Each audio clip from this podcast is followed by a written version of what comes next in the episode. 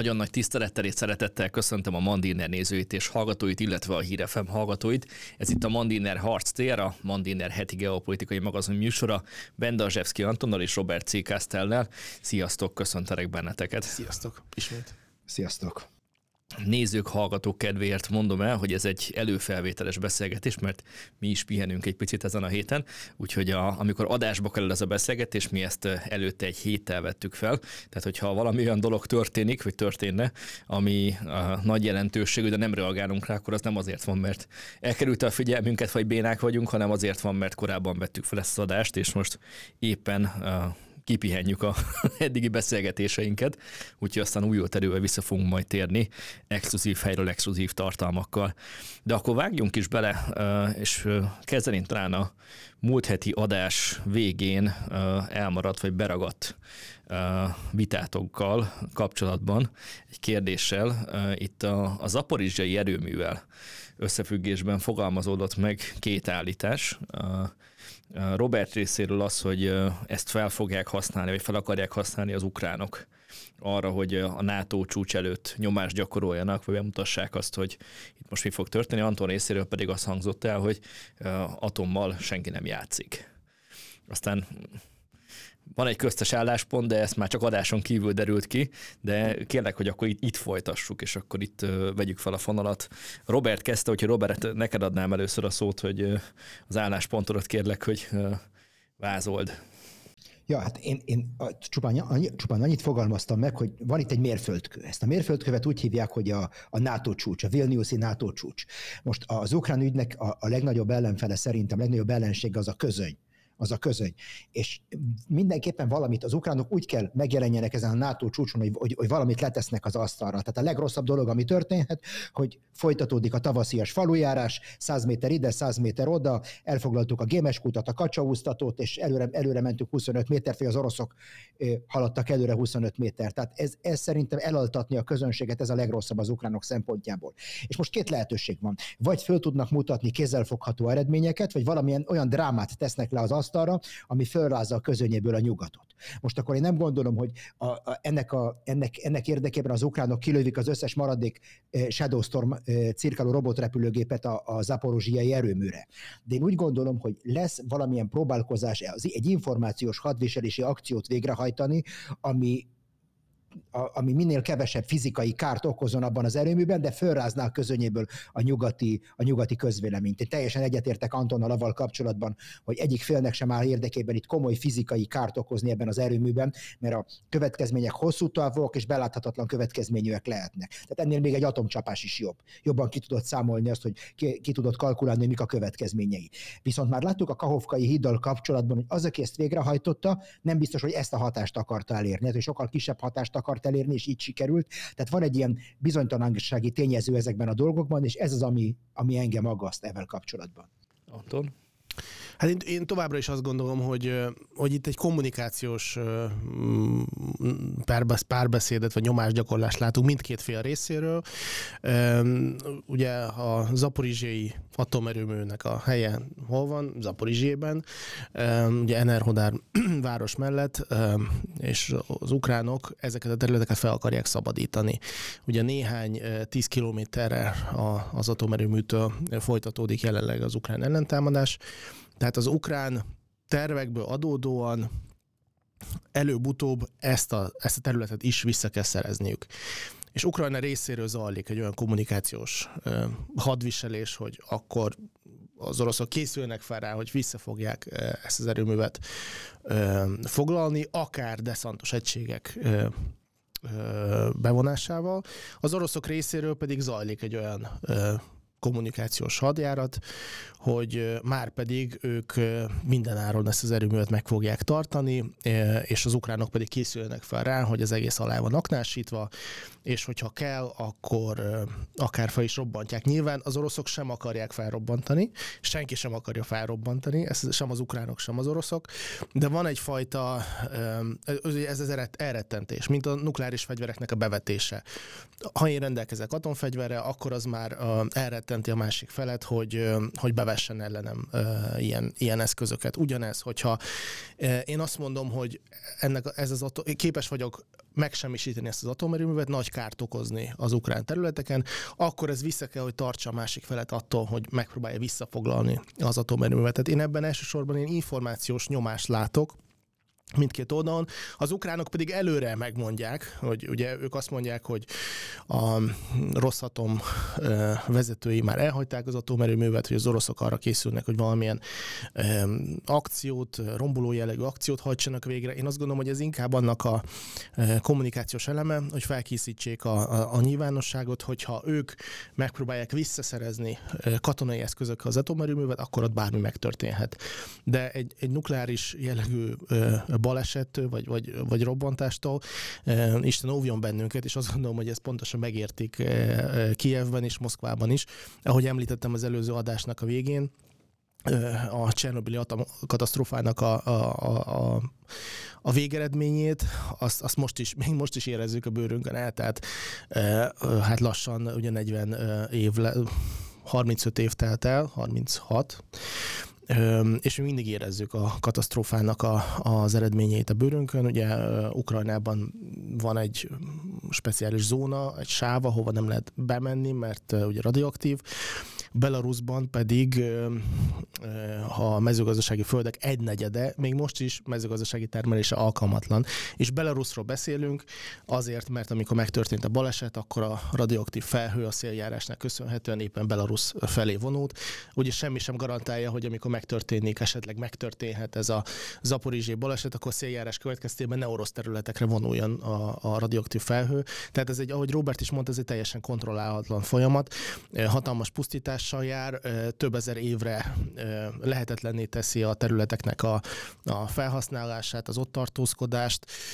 Egyébként javaslom mindenkinek, hogy vannak erre ilyen oldalak, hogy meg tudja nézni, hogy mondjuk egy-egy atombombának az alkalmazása az mekkora sugarokörben okozna esetleg pusztítást, és akkor meg, meg tudja nézni, hogy egyébként hogyan érinteni, a, és ezt meg tudja szorozni nagyjából 30 vagy 40-nel, hogy egy nukleáris reaktornak a robbantása mit, mit tudna okozni és akkor láthatja belőle, hogy az orosz csapatoknak az ellátását is teljesen ellehetetleníteni Zaporizsében is, és Herszonban is.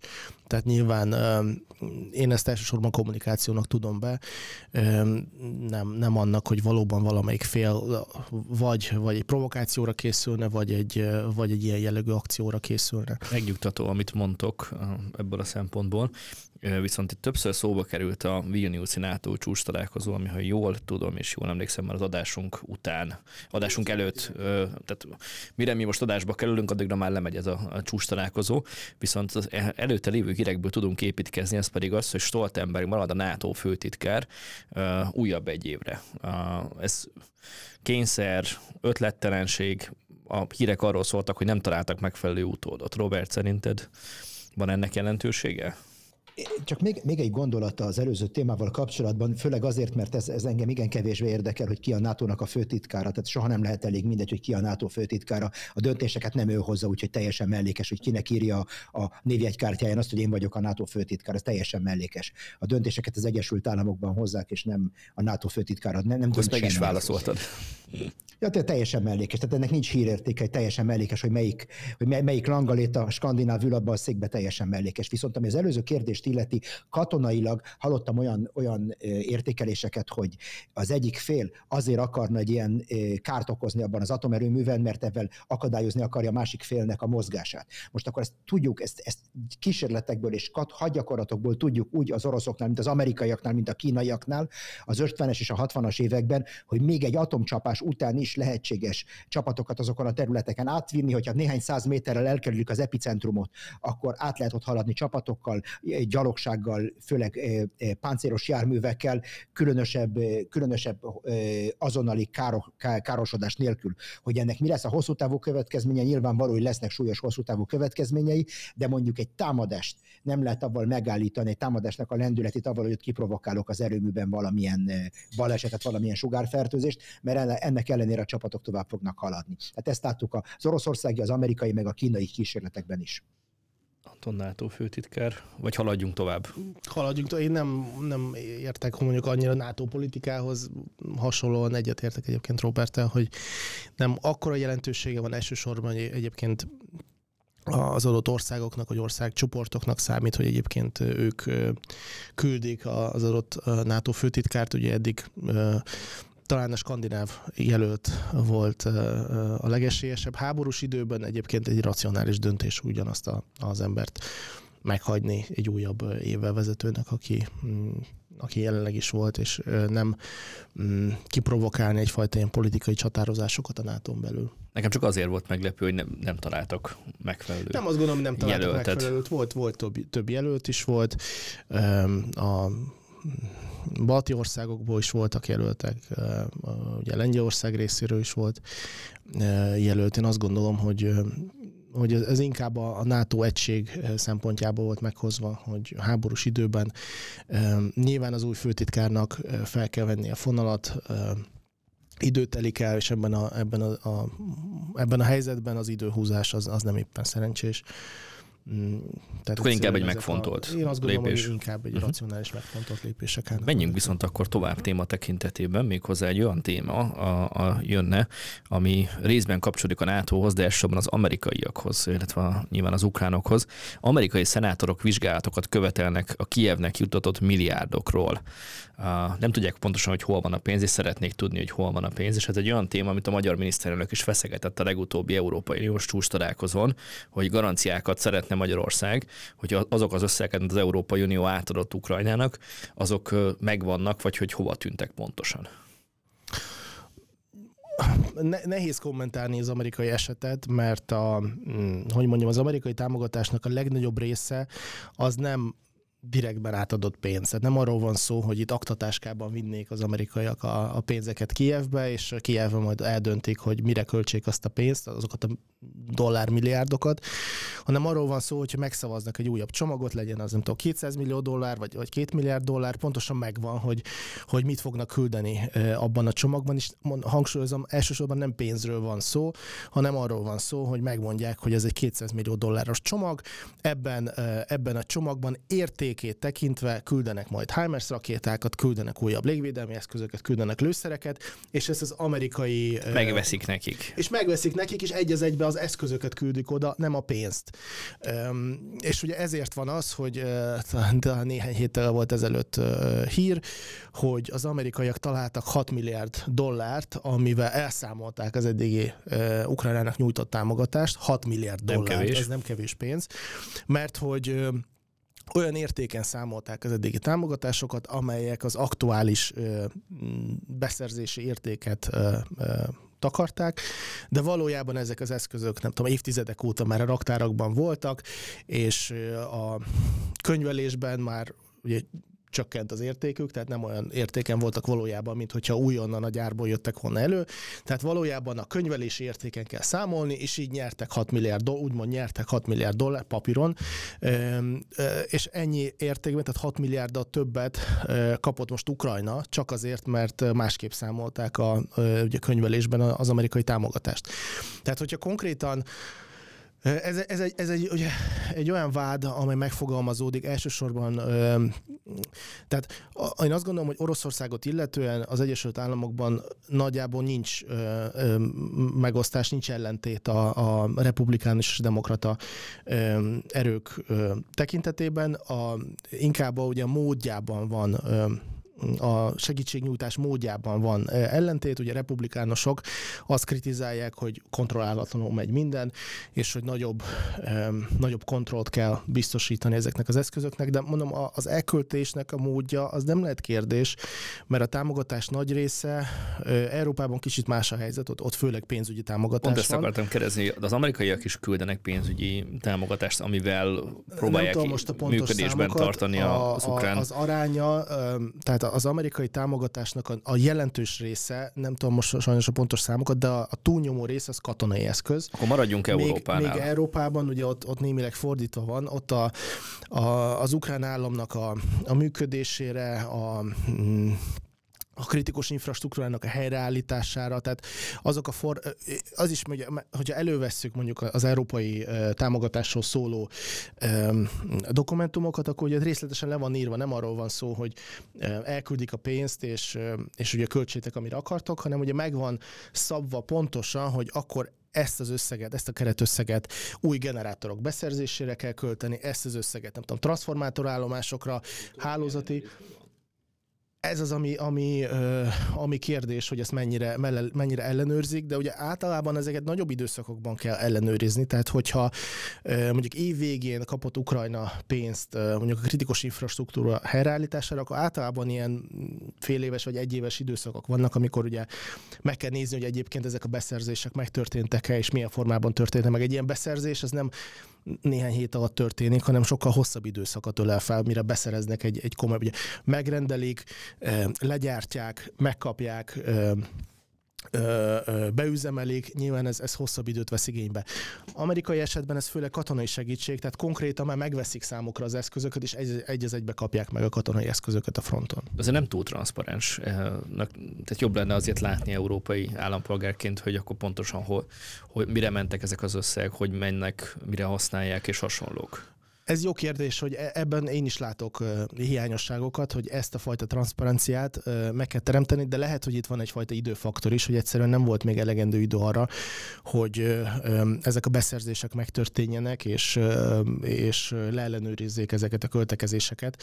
Tehát ugye az európai, mm, főleg mondjuk az ukrán kritikus infrastruktúra támogatására nyújtott európai források tavaly év végén születek meg ugye erre, erre az évre, lehet, hogy egyszerűen több idő kell, hogy elteljen, de azzal egyet, abszolút egyetértek, hogy egy sokkal transzparensebb vizsgálatra van szükség. Ami egyébként a katonai eszközöket illeti, ugye ez, ez némileg ilyen kettős dolog, hogy egyrészt megköveteljük a transzparenciát, mert nyilván a, a, az Egyesült Államok és az amerikai adófizetők is jogosak tudni, mire megy el a pénz, de másrészt ugye katonai katonai technikáról van szó, tehát ebben azért van egyfajta mm, hát ha nem is titkolózás, de azért mm, hogy mondjam, az ellenfélnek azért nem kellene teljesen pontosan tudnia, hogy mondjuk miből, hát miből mennyit küldtek pontosan, mert, mert akkor ki tudják számolni, hogy akkor esetleg ezzel problémák vannak, és akkor érdemes nem tudom, oda csapni, mert hogy, mert hogy kifoly, most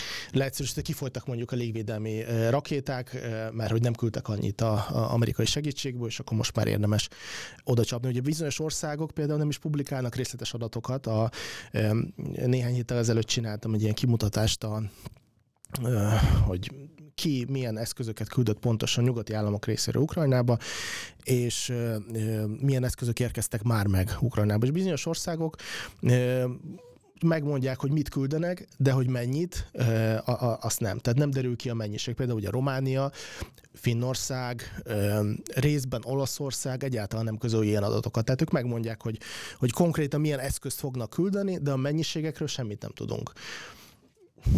Robert, hol van a pénz? Én azt hiszem, hogy ha politológusok vagyunk, akkor ne legyünk naívak. Tehát itt, itt ez egész, semmi köze az egésznek Ukrajnához, semmi köze az egésznek az ukrán korrupcióhoz, vagy az ukrán-orosz háborúhoz, semmi köze az egésznek. Itt arról van szó, hogy minden politikusnak teljesen mellékes, hogy ez republikánus, demokrata vagy európai, valamilyen válságra van szüksége, hogy, hogy politikai hatalmat szavazzon meg magának. Abban a pillanatban, hogy itt milli, sok-sok milliárd dollár cserél gazdát, gyakorlatilag ezek, ez, ez a pénz, ez politikai hatalmat jelent. Tehát én mondjuk, hogy egy politikus vagyok, vagy csak most a saját pozíciómat nézem, mint magasrangú állami tisztviselő, beleugrok sokszor olyan projektekbe, ami sok-sok millió van bennük, és ebben befolyást vásárolok maguknak, tehát magamnak. Abban a pillanatban, abban a pillanatban, hogy rá tudom tenni a kezem a, a további költségvetésekre, további pénzekre, ezeket ezt én be tudom váltani politikai hatalomra. Tehát abban a pillanatban, hogy én döntöm el, hogy melyik, vagy befolyásom van arra, hogy melyik államban levő, melyik gyár kapjon egy bizonyos megrendelést az Egyesült Államokban, Ukrajnába kihez kerüljön az a pénz, Európába kihez kerüljön az a pénz, én politikai hatalomra teszek szert ezzel a dologgal. És minél több pénz kerül a rendszerbe, annál több politikai hatalmat gyűjtök össze magamnak. Tehát az egész itt a politikai hatalomról szól, és semmi másról.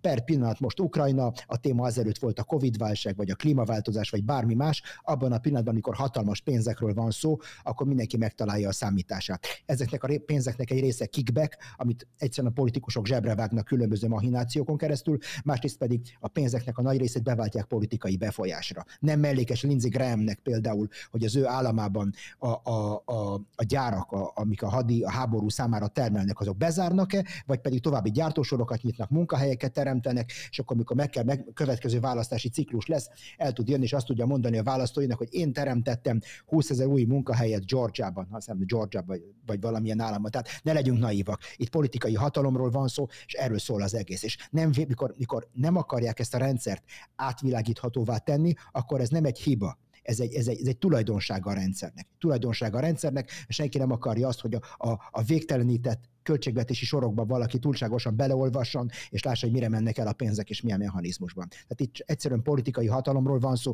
meg semmi köze nincs Ukrajnához. Maradjunk egy pillanatra még a politikánál, meg az európai politikánál. Orbán Viktor a Bildnek azt mondta, hogy nem érdekel Oroszország, nem érdekel Putyin, Magyarország érdekel. Mi a kérdés? Hát,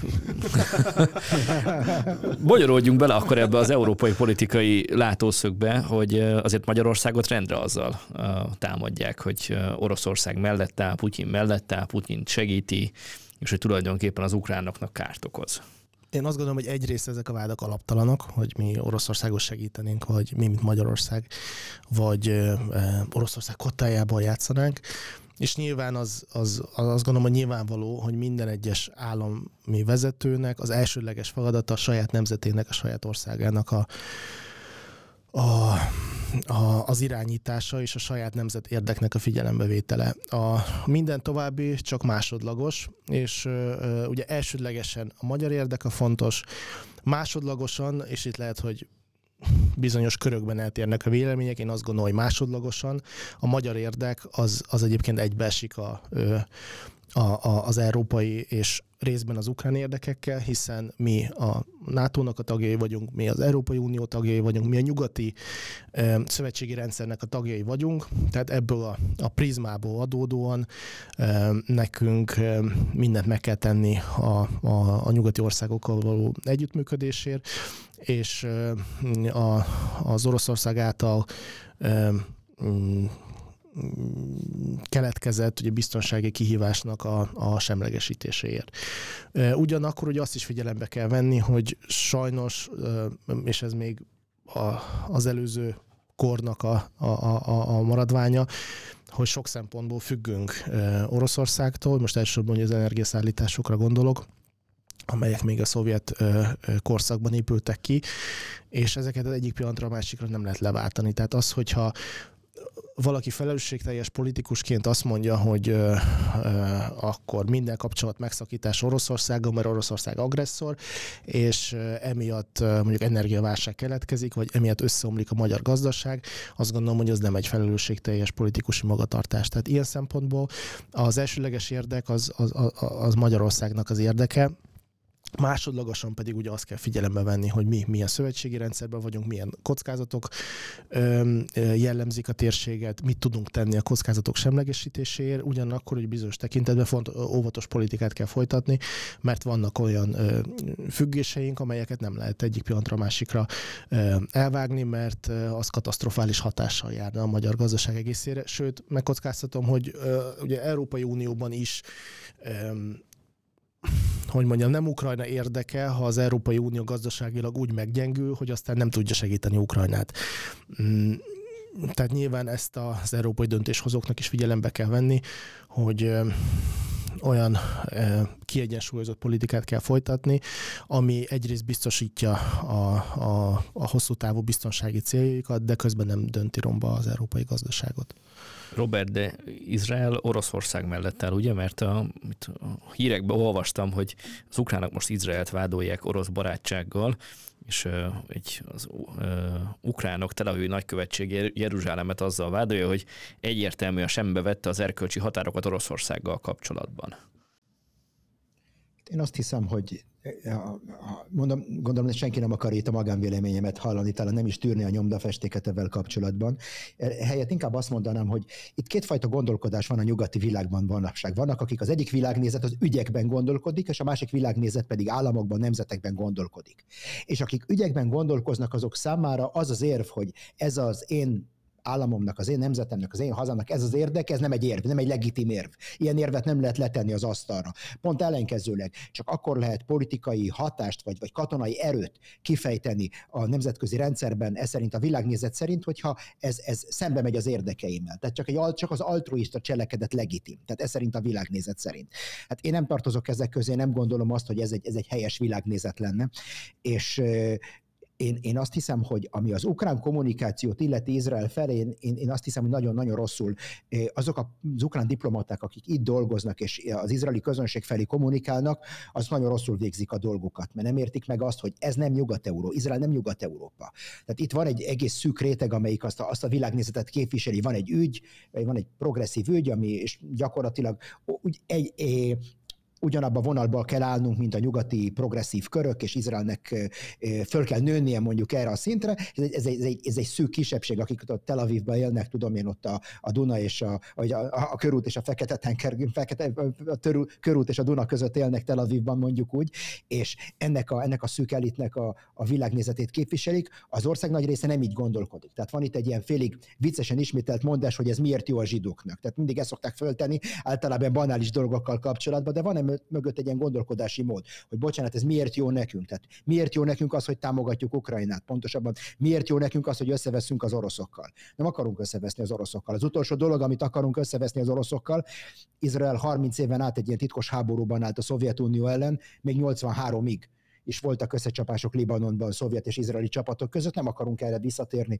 Ez egy egzisztenciális fenyegetés, egy olyan állam érdekében, amelyik soha nem viselkedett baráti módon, most így Ukrajnára gondolok, soha nem viselkedett baráti módon Izrael szembe. Tehát mi szeretnénk kimaradni ebből a háborúból, úgy humanitárius, mint eh, reálpolitikai megfontolásokból úgy gondoljuk, hogy a legjobb lenne minél hamarabb lezárni ezt a háborút, mielőtt még ez a tengely, ez az iráni-orosz tengely, iráni-orosz-kínai tengely esetleg még jobban megerősödik.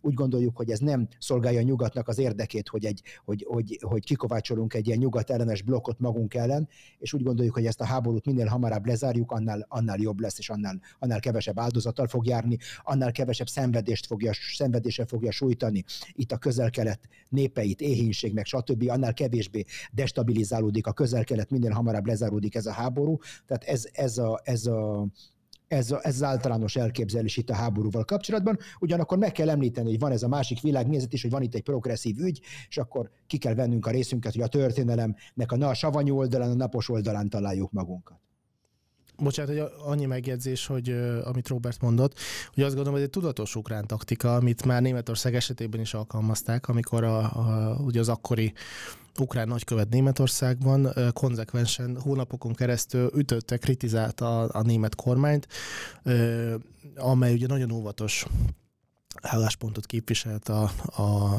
ugye a háború kezdetén.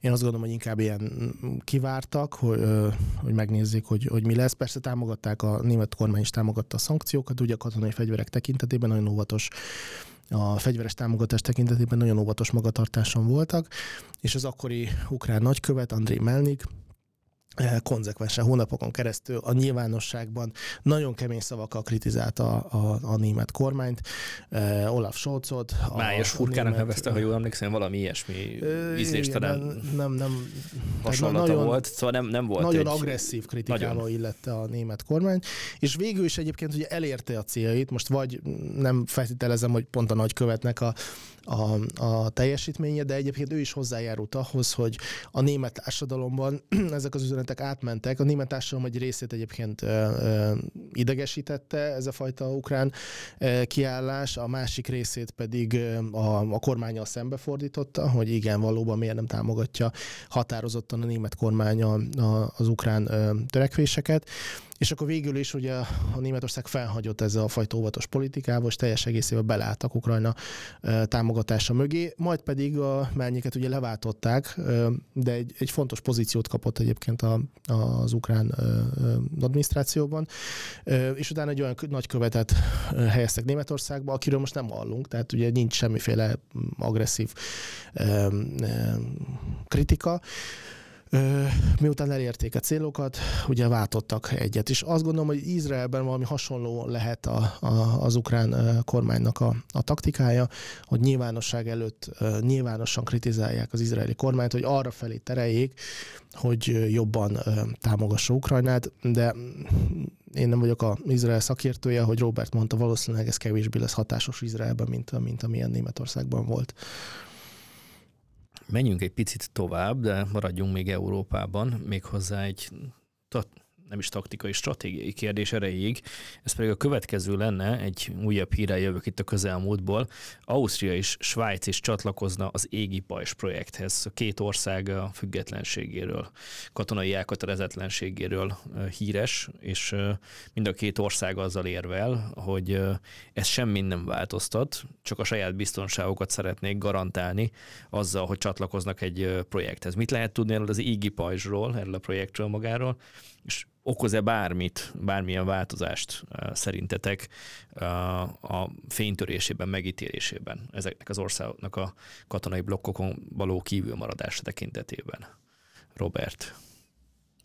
Hát a, a, azt hiszem, hogy láttunk az utóbbi évtizedekben egy egyre erősödő fenyegetést, ö, ö, láttuk ezt Irakban, láttuk ezt Izraelben is, és látjuk azt, hogy ameddig a szárazföldi és a tengeri hadszintéren, főleg a szárazföldi hadszintéren a taktikai és a, a, a műveleti szinten a védelem erősödött meg különböző technológiai változások miatt, a, a légi hadszintéren, meg a stratégiai hadszintéren a, a támadás lett sokkal erősebb. Tehát a szárazföldön a védelem lett sokkal erősebb, a stratégiai bombázás terén pedig a, a, a, a támadás lett sokkal erősebb, sokkal olcsóbb manapság egy stratégiai légitámadást végrehajtani egy, egy távoli államnak a, a hátországa ellen, mint volt ezelőtt mondjuk 50 vagy 60 évvel. Már nincs szükség balisztikus, balisztik, balisztikus rakétákra, nincs szükség nehéz bombázókra, amiket csak nagyipari hatalmak tudtak fölépíteni, tehát ezekkel, ezeknek a krajcáros drónoknak a segítségével elfben bármelyik, bármilyen terrorszervezet, vagy bármilyen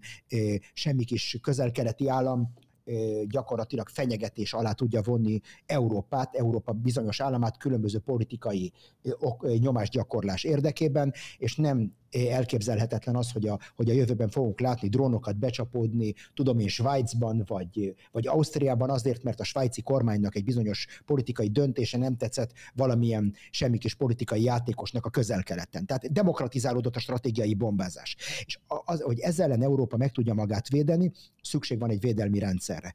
És ez az egyik dolog, amit el szerettem volna mondani. A másik dolog, amit el szerettem volna mondani, hogy van egy vita Európán belül level kapcsolatban, hogy a, hogy ezt, ezt a fegyverkezési lépést föl, föl lehetne arra használni, hogy az európai hadipart is megerősítsék, tehát otthon honi gyártmányú eszközöket vásároljanak, még akkor is, hogyha ezek kevésbé állnak a rendelkezésre, kevésbé kipróbáltak, mint a meglévő izraeli vagy amerikai rendszerek, tehát fran- elsősorban itt a francia SEMPTI rendszerre gondolok, hogy azt kéne beszerezni, vagy pedig minél hamarabb itt és most föl kéne szerelkezni különböző légvédelmi rendszerekkel, avval, ami rendelkezésre áll, és ami bizonyítottan hatékony most a világon, világban, és akkor az elsősorban a Patriot rendszert jelenti, és az izraeli Aero 3-as rendszert jelenti, és van ebben kapcsolatban egy vita Németország és Franciaország között, mivel Németország közelebb van az, az érzékelt veszélyhez Oroszországhoz, ők inkább a, a, az itt és mostra akarnak koncentrálni, a franciák pedig úgy gondolják, hogy, hogy, hogy hosszú távon ez feláldozza az európai hadiiparnak a,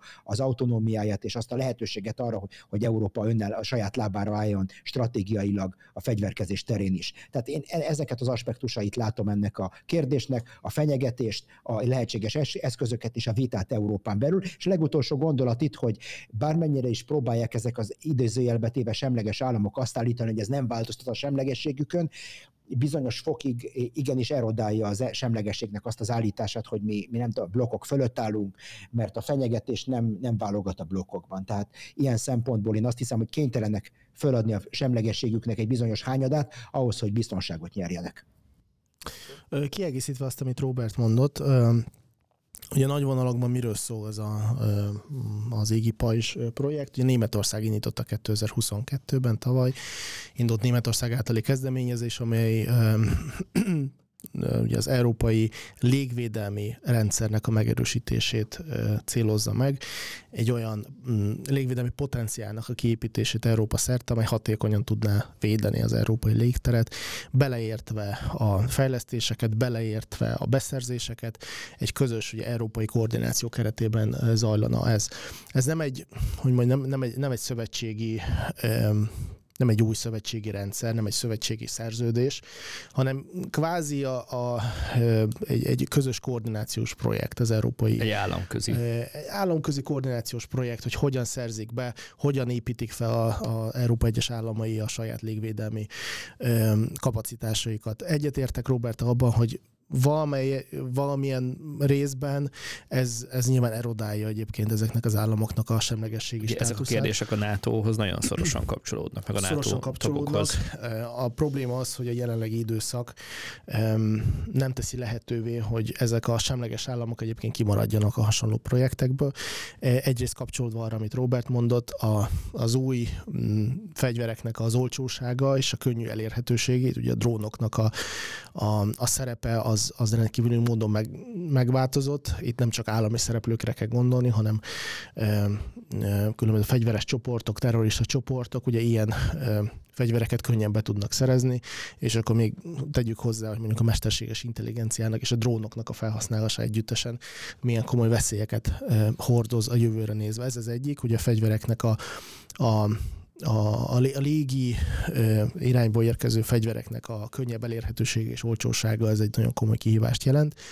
A másik pedig a nemzetközi biztonsági rendszernek a, a teljes erodálása, a teljes leépülése, ami az elmúlt egy évtizedben bekövetkezett, ugye beleértve az, hogy államok ugye a korábban felépített biztonsági szerződéseiket ugye felmondták, törölték, a nyitott égbót szerződést lehet említeni, a, a kölcsönös fegyverek korlátozásáról, nukleáris fegyverek korlátozásáról szóló szerződést, vagy például a kis és középhatótávolságú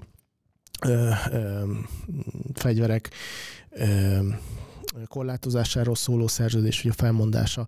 Ezek mind a, a korábban 80-as, 90-es években kiépített biztonsági hálónak a, a leépülését eh, jelzik, és ezekre a ezekre a kihívásokra mindenkinek valamilyen megoldást kell találni.